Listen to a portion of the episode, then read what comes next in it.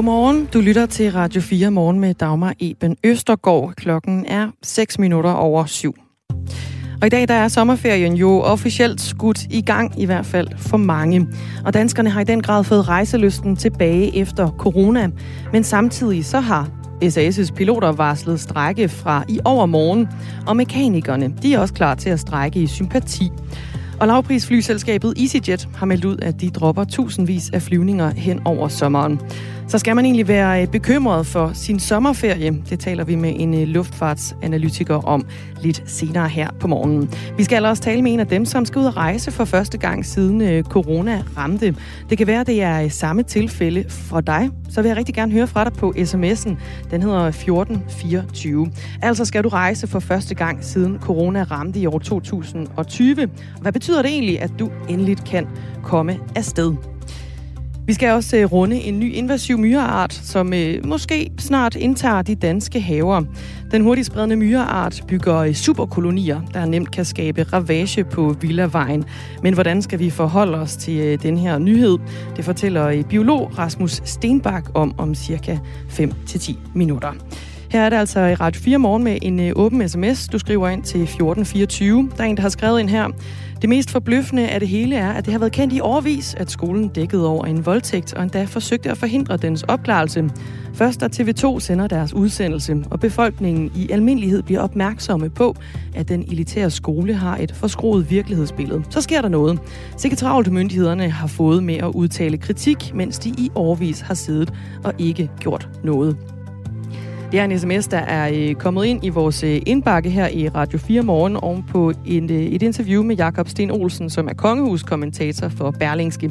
Og det er altså med baggrund i den beslutning, kronprinseparet offentliggjorde i går, nemlig at de trækker prins Christian ud af Herlufsholms kostskole, hvor han går i øh, gymnasiet, og at prinsesse Isabella altså ikke starter i 9. klasse på skolen efter sommerferien, sådan som planen jo ellers var. Du er velkommen til også at byde ind på de historier, vi har her til morgen. Godmorgen. 35 grader, dasen ved poolen og solcreme i massevis. I dag er sommerferien officielt skudt i gang for mange, og danskerne har i den grad fået rejselysten tilbage efter corona.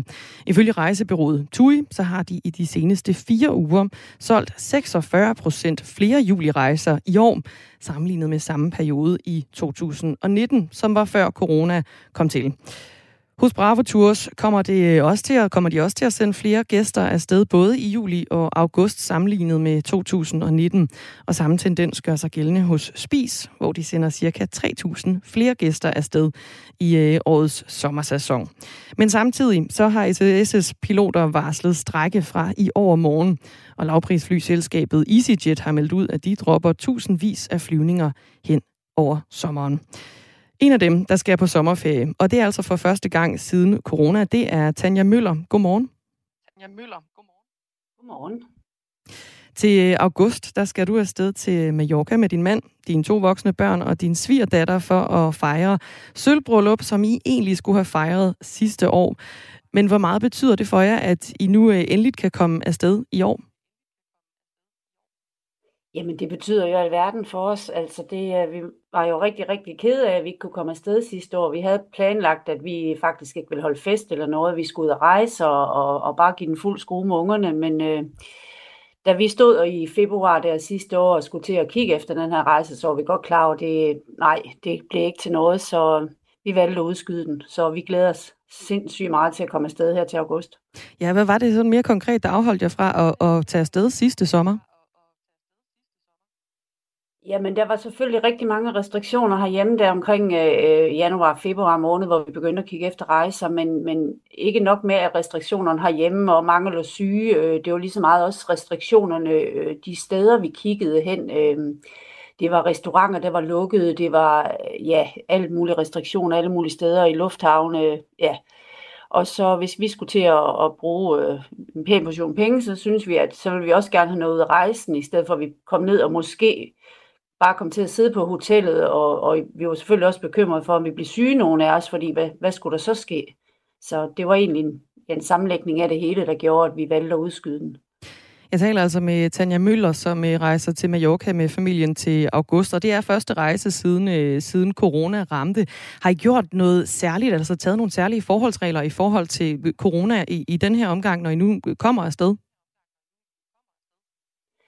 Jeg synes ikke, vi, altså vi, vi er ikke, hvad skal man sige, nær så, så bange for coronaen, som vi var dengang. Øh, men selvfølgelig har vi været inde og kigge, og jeg har været inde og kigge en del gange på vores rejseforsikring. Øh, hvad sker der, hvis en af os får, og ja, alle de ting der, så vi er 100% sikre på, at vi er dækket ind, også i tilfælde af, at en af os får corona og bliver indlagt. Hvad gør vi så med, med andre og alt det her? Så der har vi været noget mere opmærksomme i år, altså end vi har været de andre år, hvor vi har været ude at rejse.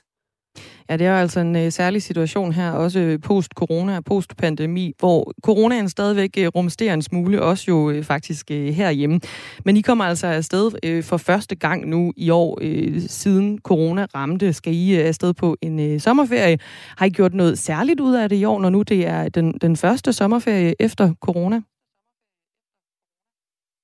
Ja, jeg synes jo, vi har, vi har valgt at opgradere den lidt, øh, i stedet for bare, hvad skal man sige, tage en uge øh, et eller andet sted hen, og så, ja, så har vi valgt at opgradere den til, for de første 10 dage har vi valgt, øh, vi har valgt et lidt bedre hotel, og vi har valgt med all inclusive også. Øh, nu, nu, nu endelig skulle det være, så ja, så vi, vi giver den hele armen. Der er jo også øh, SAS-piloter, der har varslet strække fra i år og morgen, og mekanikere har varslet sympatistrække. Og I har jo faktisk købt jeres øh, flybilletter via SAS, ved jeg. Hvor, hvor meget fylder det lige nu for dig, Tanja Møller? Det fylder enormt meget. Altså, jeg, jeg, jeg følger med på, på medierne og, og, og tænker, hvad pokker gør vi? Og ja, jeg, jeg synes, at det fylder faktisk øh, mere end corona end gør. Øhm, og jeg er også øh, helt sikker på, at nu her, hvis de går i strække, jamen altså det første, jeg gør, det er at ringe til vores rejseselskab og sige, kan I, kan I ikke finde et andet sted så, eller med et andet fly eller et eller andet. Men, øh, men ja, det fylder rigtig meget i mit hoved lige nu, om, om vi får pokker kommer afsted, eller hvad vi gør. Ja, fordi afsted, det skal I, eller hvad? Ja, tak. det er mega gerne. Altså, vi har, jeg har i hvert fald lige haft en snak med både børn og, og mand, og vi er enige om, at altså, det er jo næsten lige meget, hvor, hvor vi kommer hen. Øh, vi vil bare afsted. Altså, ja. Og jeg håber øh, rigtig meget, I kommer afsted, Tanja Møller. I skal i hvert fald have, have god tur, både dig og øh, familien, som altså rejser til Mallorca med familien til august. Og tak, fordi du var med her til morgen også. Christian har øh, skrevet en sms ind. Han vil nemlig også gerne på ferie. Han skriver, men tør ikke bestille endnu ekstra udgifter på allerede bestilte rejser, kaos i lufthavne og eventuelt strækker gør, at vi ikke har bestilt endnu. Vi satser på en afbudsrejse, og ellers så pakker vi bilen, skriver han ind. Og det er på 1424, hvor du altså også er velkommen til at øh, byde ind med dine sommerferieplaner i år. Og er det mon øh, første gang, du skal afsted, ligesom Tanja Møller, efter corona har ramt, så øh, giv dine øh, erfaringer videre. En ny myreart truer de danske haver. På få år der har den øh, invasive havemyre spredt sig flere steder i Europa. Selvom den øh, endnu ikke er fundet i Danmark, så er den blandt andet spottet lige syd for grænsen i Rostock. Rasmus Stenbak Larsen er øh, biolog ved Københavns Universitet. Godmorgen. Godmorgen. Du forsker i øh, invasive myrearter har skrevet speciale om den her invasive havemyre. Øh, den bor primært i byer og så også i almindelige haver, som øh, navnet jo øh, antyder, altså havemyren. Men hvordan adskiller den sig fra den almindelige havemyre, som øh, mange sikkert kender i forvejen?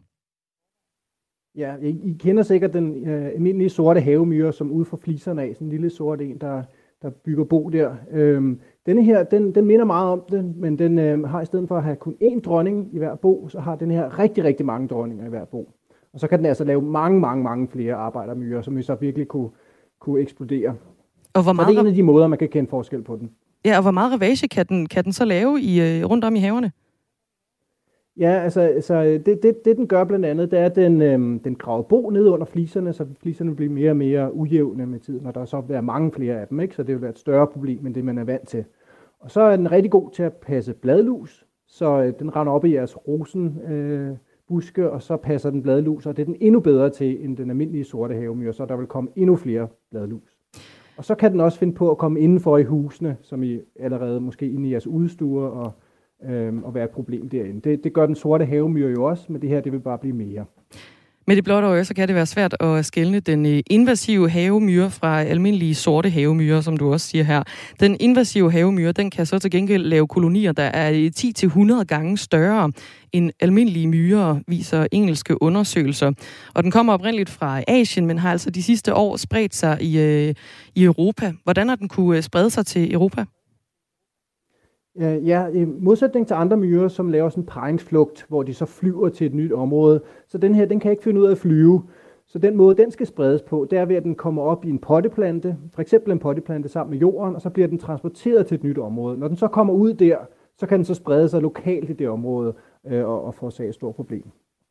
Og hvis man nu mistænker, at øh, man har den her invasive havemyre på besøg i, øh, i sin have, hvad skal man så gøre? Ja, altså noget af det, man kunne lægge mærke til, det er, hvis man vender sådan en flise, og så i stedet for, at der kun er, og så er man heldig for øje på, på en dronning, og så er der ikke kun én dronning, men mange dronninger, som altså er meget større end arbejdermyrene, som så render rundt dernede. Så kan man være relativt sikker på, at det er, det er den, man har med at gøre, hvis, der, hvis, hvis man har et stort myreproblem. Og så, øh, og så må man prøve at kont- øh, kontakte Miljøministeriet. Det var altså øh, rådet fra Rasmus Stenbak Larsen, som er øh, biolog ved Københavns Universitet og som forsker i invasive myrearter. Og det er altså fordi, der er en øh, invasiv havemyre, som spreder sig op igennem Europa. Få morgens første nyhedsoverblik med dagens første fem her på Radio 4. Dagens tophistorie er... Alle hverdage udvælger vi de vigtigste nyheder, og du får dem i vores nyhedspodcast, Dagens første fem. De seneste oplysninger tyder på... Tag nyhedsoverblikket fra Radio 4 med i ørerne, så er du opdateret på de fem historier, du har brug for at kende, når din dag begynder. Det er en sag, vi følger hele dagen. Dagens første fem er fem historier på 5 minutter. Alle hverdage kl. 6.30 i vores app. Radio 4 taler med Danmark. Ruslands økonomi har fået endnu et hak. I går missede landet en rentebetaling på 100 millioner dollar, som det øh, skylder udenlandske investorer. Og det får øh, de to store medier, amerikanske Bloomberg og britiske BBC News, til at dømme Rusland for statsbankerot. Mathias Stollerup Sprøgel er seniorøkonom i øh, Sydbank. Hvad betyder det, at et land er statsbankerot? Det betyder, at man, øh, man har ikke overholdt de øh, gældsforpligtelser, øh, som man har over for sine kreditorer. Og det betyder sådan helt konkret, at man faktisk fremadrettet, hvis statsborgerelsen bliver vedblivende, at man er afskærmet for at låne penge på de internationale finansielle markeder. Så det betyder sådan set, at den russiske stat ikke længere kan hente gæld på de finansielle markeder. Og, og hvad for en konsekvens kan det komme til at få? Jamen det betyder jo sådan set, at øh, den, den russiske økonomi øh, gradvist vil udvikle sig mere mod, mere mod en øh, bytteøkonomi. Øh, og det er jo egentlig også lidt det hensigten er med de her sanktioner, vi har, vi har lavet fra vestens side. Vi ønsker simpelthen ikke at, at, at sammenhænge med, med Rusland. Vi ønsker ikke at, at sende dem øh, militært eller andre øh, øh, isenkram. Øh, så stille og roligt så vil Rusland udvikle sig til en økonomi, hvor de ikke kan handle med omverdenen. Og det betyder, at de bliver afhængige af, at de nærmest kun kan være selvforsynende Øh, og gradvist, jamen, når man ikke kan låne penge på de finansielle markeder, jamen, så får Rusland også svært ved at betale øh, pension ud til, ud til deres øh, pensionister, og de får også øh, svært ved at, at føre den her krigsmaskine. Øh, der skal jo midler til, og, og økonomiske midler til at føre sådan en krig. Rusland missede øh, den 27. maj, altså for en måned siden, en rentebetaling, som landet skulle have betalt i dollar. Og for øh, de, der efterfølgende så er gået 30 dage, uden at kreditorerne har øh, set noget til deres penge, så er landet statsbankerot, skriver BBC News. Statsbankerotten er ifølge Bloomberg Ruslands første siden 1918. Men ifølge BBC News, der var landet altså også bankerot i 98, da præsident Boris Jeltsins embedsperiode sluttede. Ruslands finansminister kaldte i torsdags situationen for en farse, skriver Bloomberg. Og Rusland har også sagt, at betalingen på de 100 millioner dollar er sendt til banken Euroclear, som skal distribuere pengene videre til landets kreditorer. Og ifølge Bloomberg så øh, sidder pengene så til gengæld fast der. Hvordan kan det være, at det sker nu, at, øh, at Rusland bliver erklæret statsbankerot? Jamen det er jo fordi, at øh, rent formelt så er der gået de her 30 dage efter øh, pengene de ligesom kunne forfalde. Jamen, øh, når der er gået 30 dage efter sådan en, en forfaldsdato, jamen så, så, så vil man øh, officielt sige, at pengene de ikke kan komme frem til kreditorerne.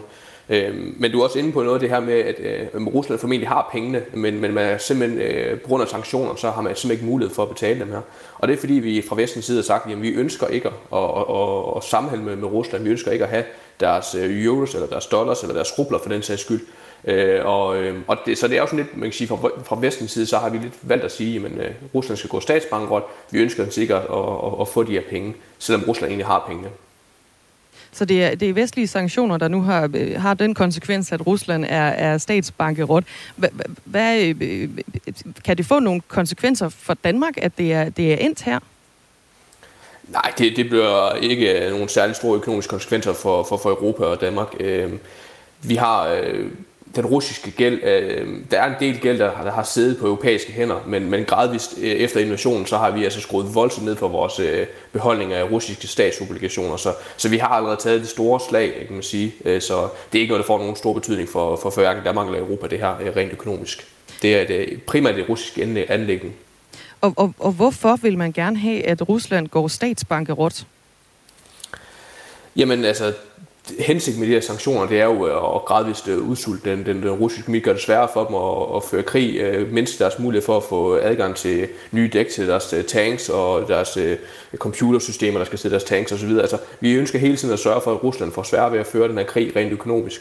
Så, så det er egentlig fra vestens side en måde på, at når vi ikke kan støtte militært øh, Ukraine eksempelvis øh, med, med fysiske tropper og fysiske øh, tilstedeværelse i Ukraine, jamen så kan vi øh, sørge for, at Ukraine får de bedst mulige muligheder for at slå det russisk, øh, Rusland, ved at øh, den russiske økonomi gradvist bliver svagere og svagere økonomisk.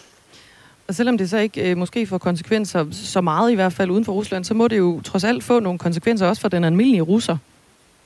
Hvordan rammer ja, altså, det der? Den, Ja, men altså, det, den, de oplever lige nu, at uh, inflationen er, er sindssygt høj i, i Rusland. Det oplever vi også herhjemme, men den er endnu højere i Rusland. Øh, fordi at, jamen, de varer, som de skal ud og, og sådan rent øh, nødvendighedsvarer, jamen, de er stedet sindssygt i, i, i pris. Øh, og så vil den, den russiske pensionist øh, og andre, der skal modtage offentlige ydelser, jamen de vil jo opleve, at det kan blive sværere for den russiske stat at betale øh, de her pensioner ud, øh, fordi at det bliver sværere for dem at hente gæld på de internationale finansielle markeder. Øh, så, så de vil mærke en hård regning for det her, den russiske befolkning. Mathias Dollerup Sprøgel er seniorøkonom i, øh, i Sydbank. Øh, hvordan kan Rusland komme oven på en statsbankerot? det er jo, øh, man kan sige, når Rusland forhåbentlig engang har afsluttet den her øh, krig, jamen så skal vi fra vestens side jo lidt tage, tage stilling til, om vi vil begynde gradvist at lette de her sanktioner mod, mod Rusland, og gradvist også måske begynde at sammenhælde med, med Rusland igen. Men, men det er jo formentlig et langt sejt træk, fordi det er noget, der virkelig skal kræve, at man, man genopbygger en, en tillid til, til både den russiske øh, offentlige embedsværk, men også øh, Rusland som, som, som økonomi og som, som statsenhed. Øh, så det er et langt sejt træk at få Rusland tilbage på de finansielle markeder. Der, der er simpelthen sket et stort tillidsbrud øh, fra, fra, fra vestens side af. En af vores lyttere, Jon, han, han påpeger, at Rusland samhandler med andre lande end de vestlige, som udgør en majoritet af verdens befolkning. Her gætter jeg på, at han henviser til mm, måske Kina i hvert fald. Øh, øh, kan det ikke hjælpe dem ovenpå på en eller anden måde, at de så trods alt har nogle samhandelspartnere i østlig retning i stedet for vestlig? Jo, altså, altså det er jo vi er ikke noget, man har sådan noget med hård data på endnu, kan man sige, men, men der er rigtig meget anekdotiske beviser og, og også sådan, man kan sige, mavefilm, der tilsiger, at Rusland de har søgt mod, mod Vesten. Altså, Indien er nogen af dem, der er ved at sige, at de har været ret gode til at købe russisk olie, øh, og formentlig har man også gjort det i Kina. Øh, særligt fordi, at den russiske olie, den handles øh, til en rabat på omkring 40 til 45 dollars i forhold til den, den olie, vi køber her i, i Vesten. Så, så Indien og Kina ser jo givetvis en, en, en mulighed til at købe noget ekstremt billig olie lige nu, øh, i en periode, hvor olieprisen generelt er meget høj. Sagde Mathias Dollerup Sprøgel, som er seniorøkonom i Sydbank. I dag er sommerferien officielt skudt i gang for mange, og danskerne har i den, øh, grad, i den grad fået rejseløsten tilbage efter corona. Flere rejsebyråer peger på, at de øh, sender flere afsted på sommerferie. Rejsebureauet TUI har i de seneste fire uger solgt 46 procent flere julirejser i år, sammenlignet med samme periode i år 2019, som jo var før coronaen kom til. Bravo Tours kommer også til at sende flere gæster afsted, og samme tendens gør sig gældende hos Spis, hvor de sender ca. 3.000 gæster afsted. Flere gæster afsted her i øh, sommersæsonen. Og ifølge Sofie Follen Lund, som er kommunikationschef i Spis, så er der en særlig grund til det. Jamen, vi kan se en, øh, en opsparet rejselyst. Der er jo rigtig, rigtig mange, der måske ikke har været ude og, og rejse under pandemien, selvom der jo har været små smuthuller, og i øvrigt også har været faktisk mange måneder, man kunne rejse i. Så er det altså for mange første sommer, hvor man virkelig kan tage afsted, og hvor alt faktisk er back to normal. Og hvad, hvad kendetegner særligt de rejser, som øh, er blevet solgt her til sommer hos jer? Altså, folk vil for det første bare rigtig gerne afsted. Vi har kunnet se det her med, at øh, man har måske spurgt knap så meget til, hvor man vil hen, og haft øh, knap så mange sådan, krav om, at det skal være meget eksotisk og meget langt væk. Man vil bare gerne afsted med dem, man holder af, og så er det de her sikre rejsemål, man, øh, man vælger for den her sommer så har vi faktisk også kunne se, at, øh, at generelt over de sidste mange måneder, jamen, så har danskerne egentlig brugt flere penge på deres ferie. Altså man har prioriteret at få et rigtig godt hotel. Øh, så det vidner lidt om, at man virkelig prioriterer det her med sin ferie, og bare gerne vil sikre sig, at den bliver så god som overhovedet muligt. Hvad, hvad ligger der i, i sikre rejsemål, som du siger, er, er, er det de fleste, de vælger? Der er rigtig mange, der også, øh, der måske ikke normalt øh, flyver charter eller rejser på en charterferie, som simpelthen har valgt det. Og det er jo selvfølgelig rigtig meget i forhold til den tryghed og sikkerhed, der er i charter- og pakkerejseformen. Og der er jo stadigvæk måske lidt efterdønninger af coronapandemi. Man vil i hvert fald gerne sikre sig, at man kan afbooke, ombooke, at man har hjælp lige ved hånden, at der er nogen, at ringe til for at spørge om, hvordan var det med indrejseformularer, hvordan er det med de her restriktioner, og at når man er afsted, at der også er sådan en hjælpende hånd. Så vi har kunne se, at tryghed øh, virkelig er vigtigt for danskerne, især i år, når man øh, første gang i flere år skal bevæge sig ud i verden igen. Vores sms her i programmet holder øh, naturligvis ikke sommerferie, men er du på vej og skal måske afsted for første gang, siden øh, corona ramte i, øh, i 2020? Altså, skal du for første gang afsted på sommerferie siden år 2019 i år? Gør du et eller andet særligt, som du ikke gjorde før corona i forbindelse med din øh, ferie, så må du mægtig gerne byde ind på vores sms. Den hedder 1424. Og jeg taler altså lige nu med Sofie Folden Lund, kommunikationschef i Spis, som også oplever et øh, boom af flere sommergæster, der skal ud i, øh, ud i verden. Og, og det er noget med, at aktiv ferie også er blevet mere populært i år end, øh, end tidligere. Hvorfor tror I, det er tilfældet? Jamen det må man sige. Altså vi lavede nogle, øh, nogle undersøgelser her i foråret og kunne egentlig se, at, øh, at søgningen på vores website er steget med hele 92 procent efter det, der hedder sådan aktiv ferie. Og når man siger aktiv ferie, så det spænder det jo vidt. Det er jo både fra de her sådan skræddersyede træningsrejser. Vi ser rigtig mange, der tager afsted på sådan noget yogaferie, vandreferie osv. Men også bare øh, søgning efter hoteller, som tilbyder træning og fitness og sådan noget. Så det kan jo både være noget med, at man måske har ligget lidt meget på, på sofaen, eller ikke været så aktiv under pandemien, at det trænger man simpelthen til igen. Og så kan vi også høre, øh, når vi taler, vores rejserådgiver taler med gæsterne, der er mange, der tager afsted i store grupper, altså nogle store familieture, og de vil også gerne kunne lave noget aktivt sammen. Så, øh, så jeg tror, det er sådan lidt en kombination coronasmitten, selvom vi jo helst ikke øh, taler om det egentlig, så er coronasmitten alligevel øh, på vej op igen. Er, er det noget, som har fyldt hos, øh, hos jeres kunder også? Nej, det er det faktisk ikke. Altså, øh, lige her til sommer, så er folk ret rolige, og jeg vil også sige, man har jo lært sig, jamen, her i løbet af, af de sidste mange måneder, at tage det lidt stille og roligt. Du rejser, du stiger på et fly i en lufthavn i Danmark, rejser direkte ned til en ferieø, er uden for en hel uge og rejser hjem igen. Det er der altså ikke ret mange, der forbinder med, at der skulle være en risiko ved det. Så, så det er faktisk ikke noget, vi, vi oplever. Og hvad i forhold til de rejsedestinationer, man så skal ud til? Er der mange der, hvor man kan vælge imellem? Altså, vi har jo før været udsat for, at man kun kunne rejse og øh, gøre det hele med mundbind stort set. Er det rejsedestinationer, hvor der ikke er øh, diverse øh, restriktioner på der, hvor folk rejser hen i år? Ja, det er heldigvis stort set tilbage, som det var inden, inden pandemien. Altså de her øh, indrejseformularer, for bare til det, som der jo har været øh, øh, de sidste, øh, jamen faktisk det sidste års tid siden verden egentlig åbnede op her i, i efteråret sidste år, der skulle man jo ind og udfylde sådan nogle øh, indrejseformularer, inden man overhovedet kom afsted. Man skulle have øh, vacciner, man skulle testes osv., og alle de ting, de er stort set øh, ophørt. Altså indrejseformularer skal man stort set ikke bruge nogen steder. Der er, øh, der er nogle steder, hvor man stadig skal vise coronapas, men der er også rigtig mange steder, hvor man ikke engang skal det mere. Så kan der være nogle steder i Sydeuropa, hvor man skal have mundbind på i sådan noget som offentlig transport, eller hvis man skal have en tur til lægen. Men altså, jeg vil sige, hvis man har øh, et, øh, en stak mundbind med i, i, i bagagen, hvis det skulle øh, blive aktuelt, så er man egentlig øh, ellers bare klar til at rejse ud som, som inden corona. Øh, sådan ser det ud i øjeblikket, i hvert fald langt de fleste steder. Lød det fra Sofie Folden Lund, kommunikationschef i Spis. Klokken er halv otte.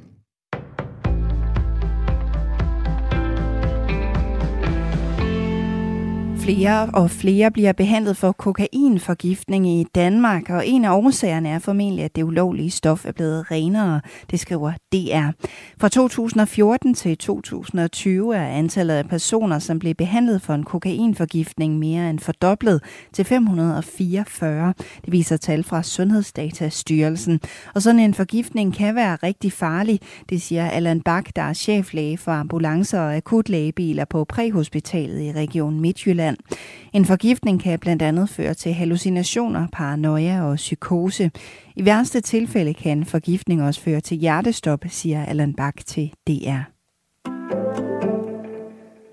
Dødstallet i Sydafrika er steget til 21 blandt de unge mennesker, som pludselig lå livløse på en bar. Det oplyser de sydafrikanske myndigheder. Årsagen til tragedien er ikke kendt endnu. Lina er ved at blive undersøgt for at finde ud af, om de unge eventuelt kan være blevet forgiftet på baren.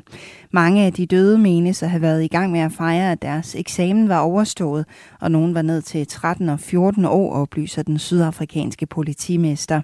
Hændelsen fandt sted i byen East London i den sydlige del af landet. Langt de fleste har fået hævet deres feriepenge for det ferieår, der sluttede ved udgangen af sidste år, men 350.000 danskere har stadigvæk penge til gode. Det oplyser ATP, som står for administration af lønmodtagernes feriepenge. Danskerne har 1,35 milliarder kroner til gode. De uhævede feriepenge ligger typisk på et meget mindre niveau end de her 1,3 milliarder, vi nu ser, at, at ca. 350.000 lønmodtagere har til gode. Øh, det er et, et, et betydeligt større øh, beløb i år, end vi plejer at se. Sådan lyder det fra koncerndirektør i ATP, anne Christine Axelsson.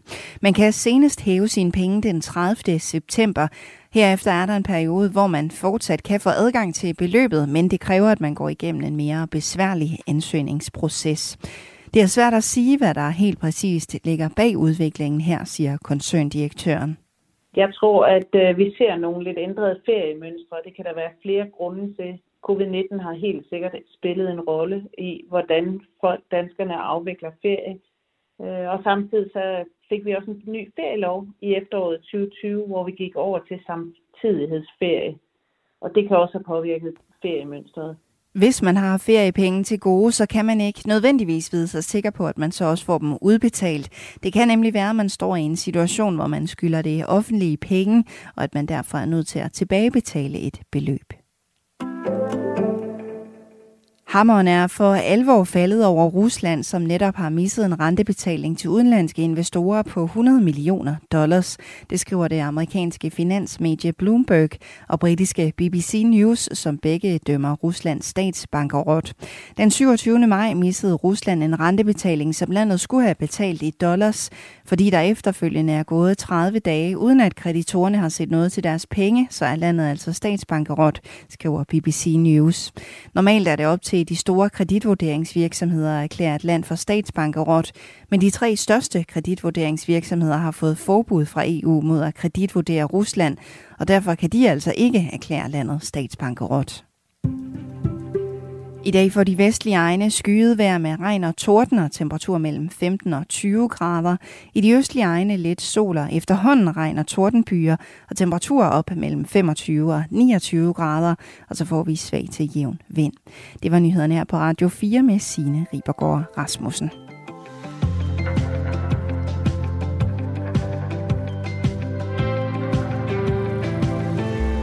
Og jeg hedder Dagmar Eben Østergaard. Du er stået op med Radio 4 morgen i dag, hvor klokken er 26 minutter i 8.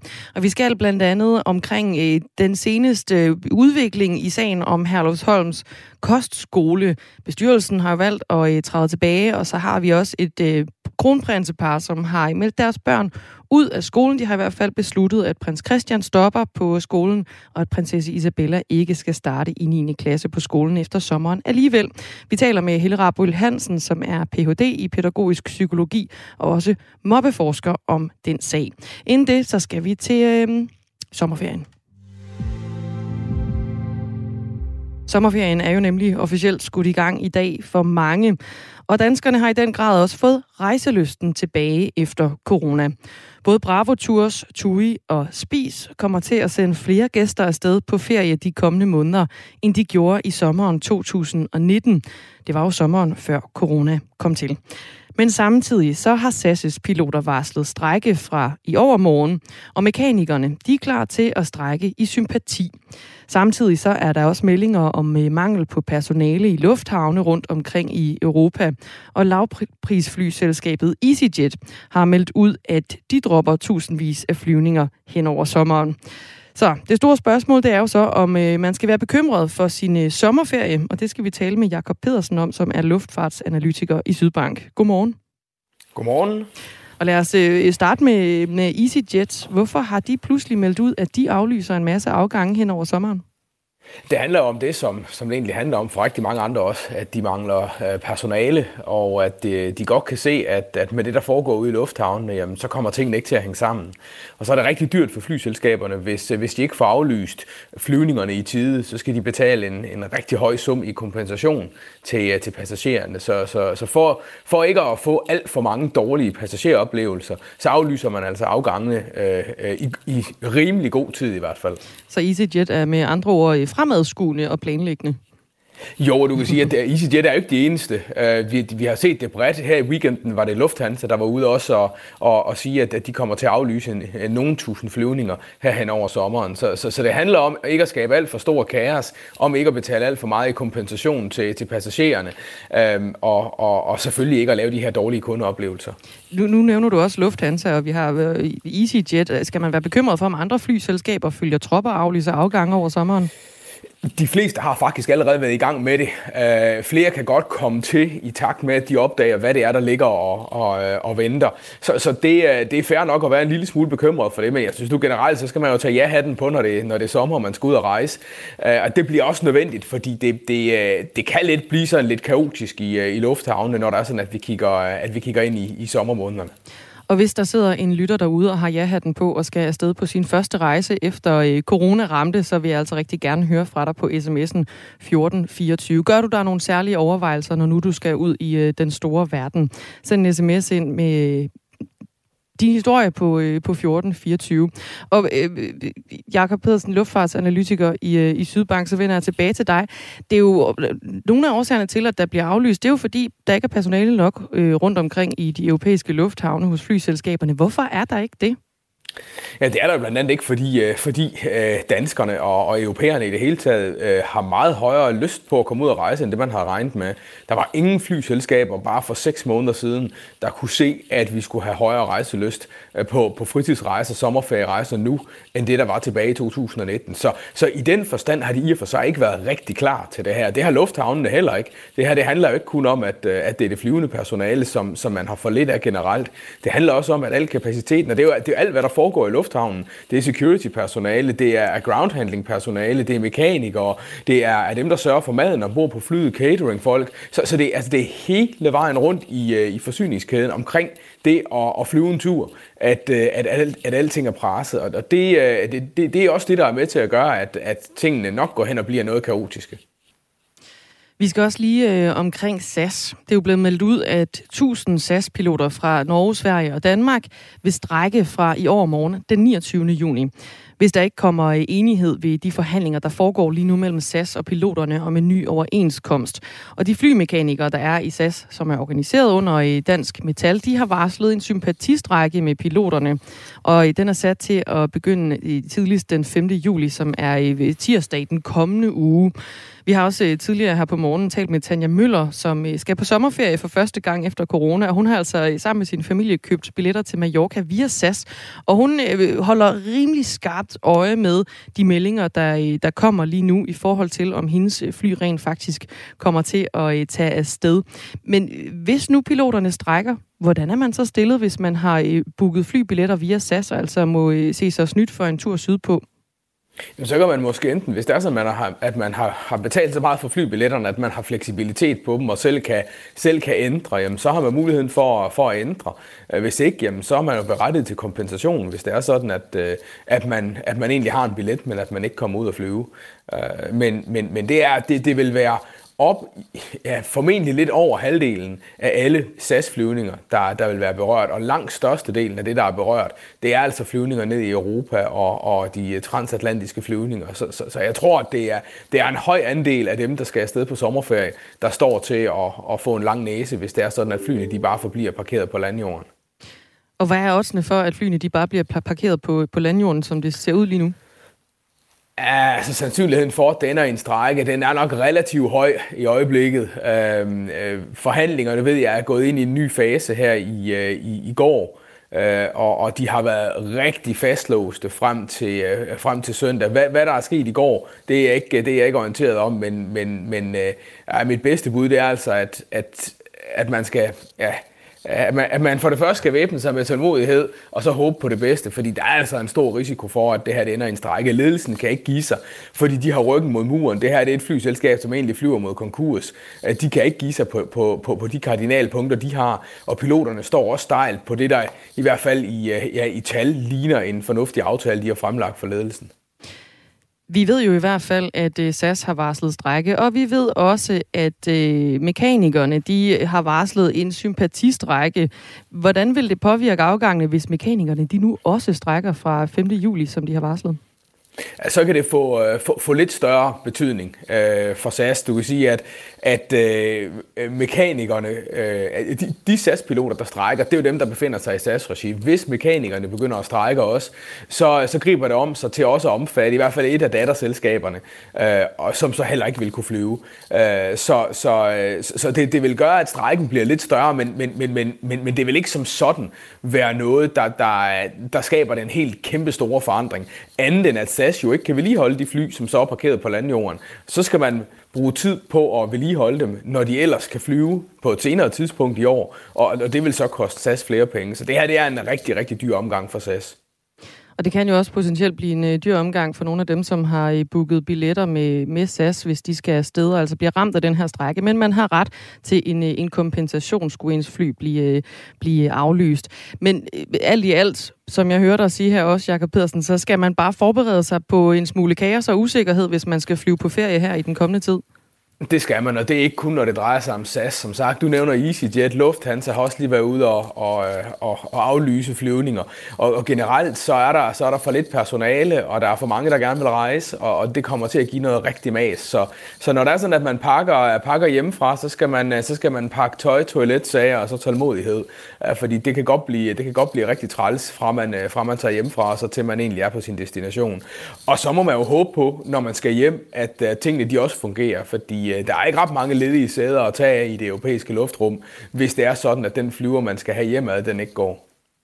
Sådan lyder det fra Jakob Pedersen, der er luftfartsanalytiker i Sydbank. Og så kan jeg lige nævne, at Københavns Lufthavn har den øh, seneste uge skaleret op, så den personalemæssigt, så de er tilbage på det niveau, de havde inden corona i 2019. Det er noget, de har sagt til øh, DR. Jeg har fået sms'er ind, der er en her fra Janus i København. Han skriver, undskyld mit franske, vil være så venlige at stoppe med at formidle danskernes rejseløst med fly. Det forurener at flyve. Klamt. Fortæl om klimavenlige alternativer. Tak, skriver han ind. Jeg synes, det var øh, pænt fransk, Janus, det der du skrev ind her på 1424. Og så kan vi også lige vende, at øh, der er altså folk, som jo også tager øh, bilen på øh, sommerferie i år. Jeg har nemlig fået en sms her. Vi tager i år på vores første bilferie nogensinde. Vi har ikke rejst siden corona kom, så vi ser frem til at opleve noget andet end den danske sommer. Ferien går til Schweiz, Italien og Kroatien, steder vi aldrig har været før. Vi ville gerne have rejst til USA til efteråret, men på grund af frygten for coronarestriktioner har vi i år tænkt ud af boksen og endt med at tage bilen gennem Europa i stedet. Og jeg ønsker jer en rigtig god tur sydover. Sikkelsen for terror mod den øh, 42-årige mand, der øh, angreb bar i Oslo, øh, er usvækket. Det oplyser politiadvokat Børge Enoksen på et pressemøde i går eftermiddag, så det er altså en sigtelse for terror, han står tiltalt for. Det er på trods af, at det ikke er lykkedes politiet at få manden til at medvirke til en afhøring, og man har også forsøgt af flere omgange. Enoksen siger ifølge øh, NTB, det jeg kan sige er, at han er sigtet for terrorhandling, og den sigtelse er ikke svækket ud fra efterforskningen indtil videre. Den 42-årige mand, som er øh, sigtet for både drab og drabsforsøg og terror, har indtil videre ikke vil lade sig øh, afhøre. Politiet de gjorde et nyt forsøg i går, men måtte altså opgive igen efter en halv time. Det har mandens advokat oplyst. Årsagen det øh, er, at den sigtede er bange for, at politiet vil manipulere hans udtalelser, forklarede advokaten. Det er vigtigt for mig at understrege, at vi er optaget af at sikre hans retssikkerhed og følge lovens krav om afhøring, siger også øh, politiadvokaten Enoksen på, øh, på søndagens pressemøde. Vi har ikke været i en situation, hvor det kan lade sig gøre og få en forklaring. Vi håber, det kan ændre sig, tilføjer han også. Og selvom øh, politiet altså endnu ikke har hørt fra den 42-årige mand selv, som øh, udførte det her angreb i Oslo i weekenden, om hvordan han for eksempel forholder sig til sigtelserne imod ham, så øh, arbejder politiet videre, blandt andet med afhøring af vidner og også en gennemgang af videoer og digitale spor i sagen. Øh, en af de allervigtigste dele af den her efterforskning, det er også at få afklaret, om han for eksempel har samarbejdet med andre. Men det er altså øh, stadigvæk ikke noget, vi har fået et svar på, fordi at man ikke kan få ham til at, at tale under, under afhøringerne.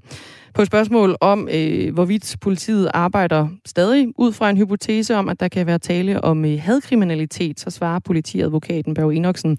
En af hypoteserne, vi arbejder ud fra, er hadkriminalitet. Der er flere hypoteser. Det kan også være en kombination, men det er for tidligt at sige noget om motiv. Vi har jo ikke fået hans forklaring endnu. Og en af de steder, øh, der altså var under angreb natten til lørdag, det var en bar for øh, homoseksuelle i øh, Oslo by.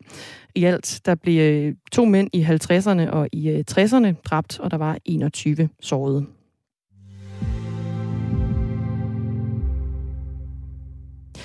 Så skal vi videre til øh, en historie, som har rullet her hen over weekenden. For bestyrelsen for Herlufsholms skole træder tilbage. Det skrev skolen selv i en øh, pressemeddelelse. Det var i lørdags. Bestyrelsesformanden Torben von Lovsov har også indgivet en begæring om at blive fritaget for erhvervet.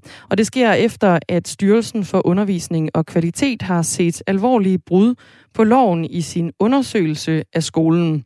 Styrelsen øh, kommer med beskrivelser af flere tilfælde af grov mobning, vold, grænseoverskridende adfærd, herunder seksuelle krænkelser og voldtægter, samt flere tilfælde af episoder vedrørende tyveri, herværk og euforiserende stoffer på Herlufsholm. Sådan lyder det altså i, øh, i den her rapport.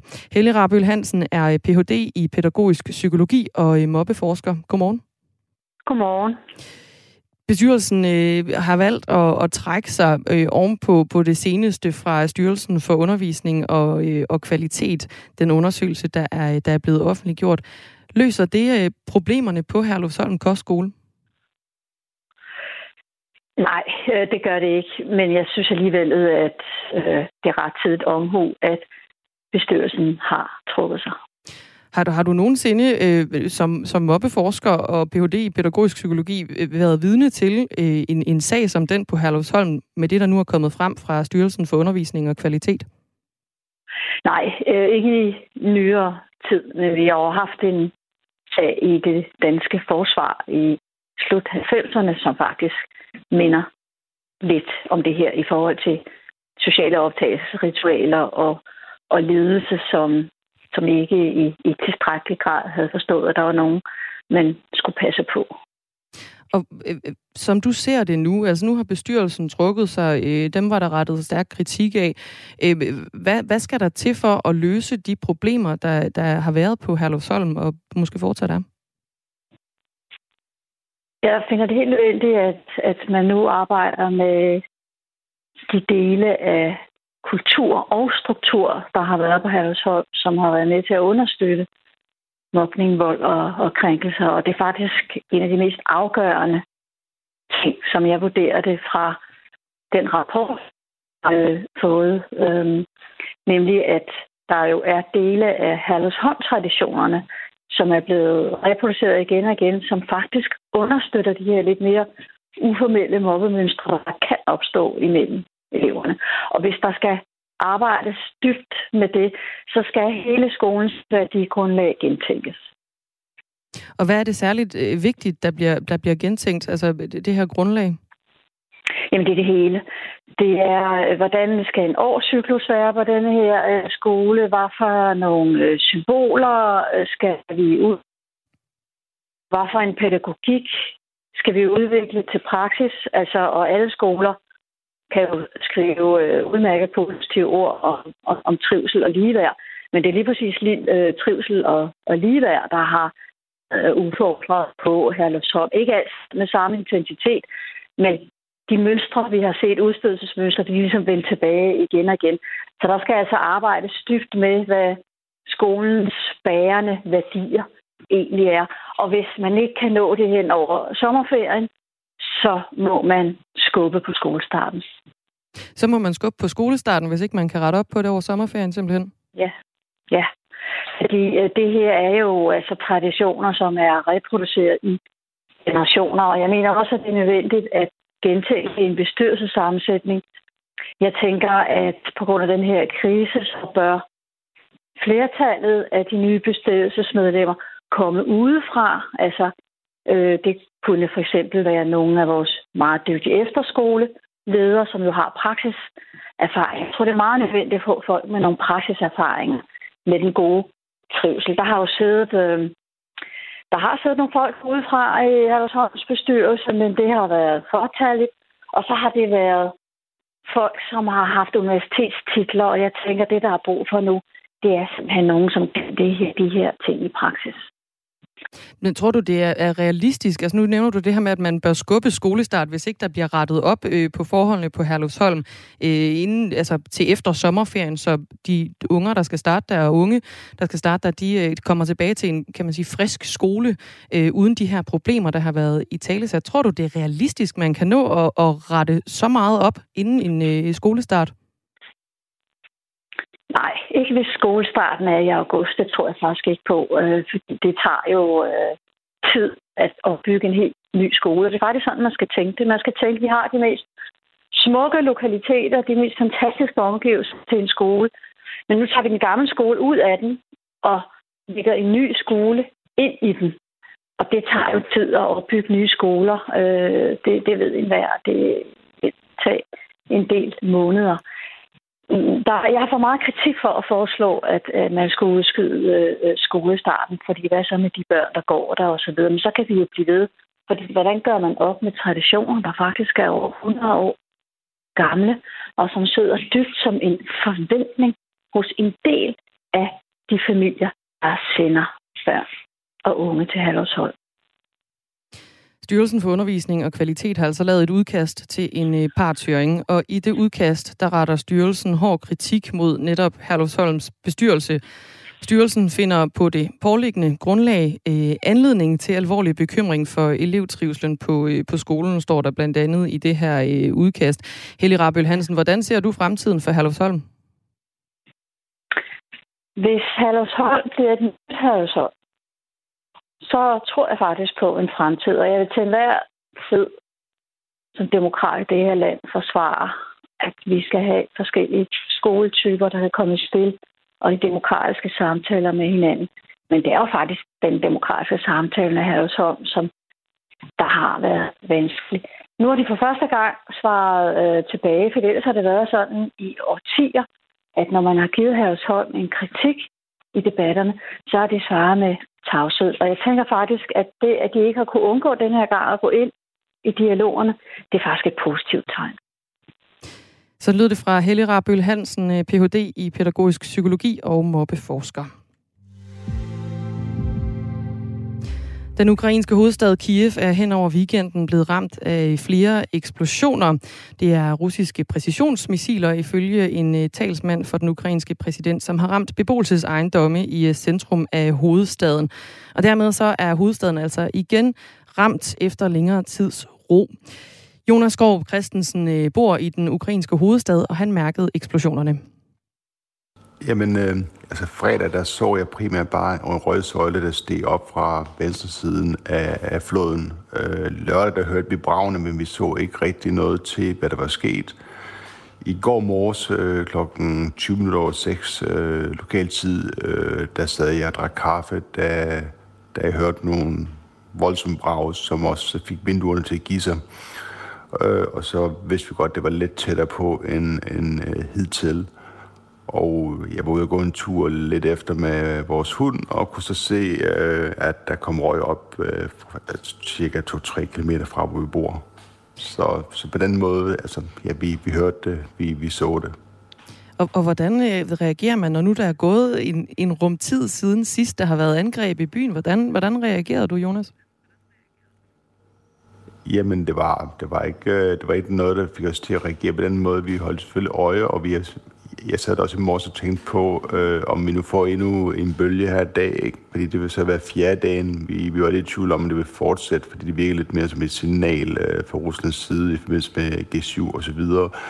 Øh, men vi, vi ser, ser, jo, ser jo det andet, ikke? Hvad er det her? Øh, betyder det, at de nu eskalerer igen i forhold til Kiev med missiler, eller er det bare en engangsforstilling, ligesom det vi havde i Guterres på besøg her for et par uger siden, eller et par måneder siden er det nu, hvor der også var et angreb mod en boligblok. Er det sådan, øh, kan man sige, den generelle måde, øh, beboerne og borgerne i Kiev reagerer på, øh, på russiske angreb nu efterhånden, hvor krigen har stået på i, i lige over fire måneder? Så jeg tror, at øh, hvis man ser lige i går, der var der lidt mere stille i, altså, om formiddagen og hen på dagen, end det normalt vil være. Men det er selvfølgelig også en søndag, så folk er ikke på arbejde øh, på, på en søndag normalt, eller det er ikke mange, der er. Men det virkede som, at der var lidt mere stille i går, så folk måske blev hjemme. Men øh, det, det, det skal man vist passe på med at konkludere for meget på, for det, ja, det, tingene svinger jo lidt hernede. Mm. Det er altså første gang i øh, tre uger, at Kiev igen bliver ramt af russiske luftangreb. Og siden april, der har russerne fokuseret mest på at tage kontrollen jo i Donbass-regionen, altså i det østlige Ukraine. Og Kiev har derfor været sådan rimelig fredelig de sidste par uger, og mange civile ukrainere er også vendt hjem til byen, efter de var nødt til at flygte fra hus og hjem på grund af russiske angreb. Øh, kan man mærke, at flere og flere de øh, begynder at vende hjem nu, Jonas Skorup Christensen? Jamen, der, der er meget liv i byen. Øhm, øh, der er trafik. Øh, når man kører rundt i byen, kan man godt mærke, at øh, tingene er blevet ret normaliseret. Øh, det er selvfølgelig ikke ligesom det var før krigen, men øh, der er meget liv. Øh, gaderne er fyldt med mennesker. Øh, der er folk, altså det, det, er jo, det, det er jo lidt mere lokale turister end, end, end øh, for, i forhold til sidste sommer, fordi sommeren er, der, der, den er jo generelt meget livlig hernede, ikke? Folk er på gaden, folk går rundt, der er boder sat op, øh, caféer, restauranter er åbne, og det er det jo også nu. Så, så, så der er masser af liv i Kiev på den måde. Øh, men der er jo den der skygge, der hænger over, øh, hvad hedder det, byen. Vi har jo curfew, eller udgangsforbud hver dag øh, mellem klokken 11 om aftenen og klokken øh, 5 om morgenen, og det betyder, at når man ses med venner og bekendte, jamen så skal folk jo øh, efter klokken 10 på vej, så, så skal de til hjem af. Øh, restauranterne de lukker mellem 9 og 10, øh, det fleste kl. 9 om aftenen, så der, der er også en grænse for, hvor længe man kan være ude, hvis man skal ud og spise, for eksempel i Kiev. Så, så, så på den måde, så er, så, så er der nogle, øh, hvad hedder det, regler, der gør, at øh, man godt ved, at det er ikke normalt. Og i de sidste par uger, der er der også, øh, der kan man også se på sociale medier, at flere venner, øh, venner, øh, familier øh, er, er døde nu på fronten. Der, der kommer flere og flere du ved, øh, opdateringer, hvor man se, nu er der endnu en, der har mistet en pårørende, eller mistet en ven, som kæmpede på fronten. Øh, det, det, det synes jeg ikke så så meget tidligere. Det, det ser jeg meget nu. I forhold til de her øh, udgangsforbud, der, der er om natten, er det noget, der begynder at rumstere fra de lokale myndigheder, altså om man vil udvide de udgangsforbud, der ligger lige nu? Det, det, det ved jeg ikke. Øh, det, det er ikke noget, jeg har hørt om. Øh, jeg har heller ikke øh, spurgt til det. Altså, folk, de, øh, der, der, der, der er blandt andet meninger om det. Der, der er folk, der mener, det, øh, det er træls. Og øh, vi, vi er hensyn til at få økonomien op at køre osv., videre, skal vi egentlig bare normalisere så meget som muligt. Så er der andre, der mener, at øh, det er egentlig godt nok, at øh, der er det her udgangsforbud, fordi det, det minder folk om, at det, her, det er ikke normal tid. Folk de skal øh, tage sig jagt, folk skal opføre sig lidt pænere end normalt, og vise respekt for det, der også foregår. Der er jo folk, der dør hele tiden, ikke? Så det, det kan godt virke lidt øh, absurd, hvis man på den side har en by, som er i feststemning, og folk, der går på diskoteket langt ud på natten, mens de dør. Ja, er det 100 soldater om dagen? Mm. Så lød det altså fra Jonas Skovrup Christensen, der øh, er bosat i Kiev. Lige om lidt, så øh, skal vi have en øh, omgang nyheder med Signe Ribergaard Rasmussen, og på den anden side, så skal vi vende situationen i Dansk Folkeparti.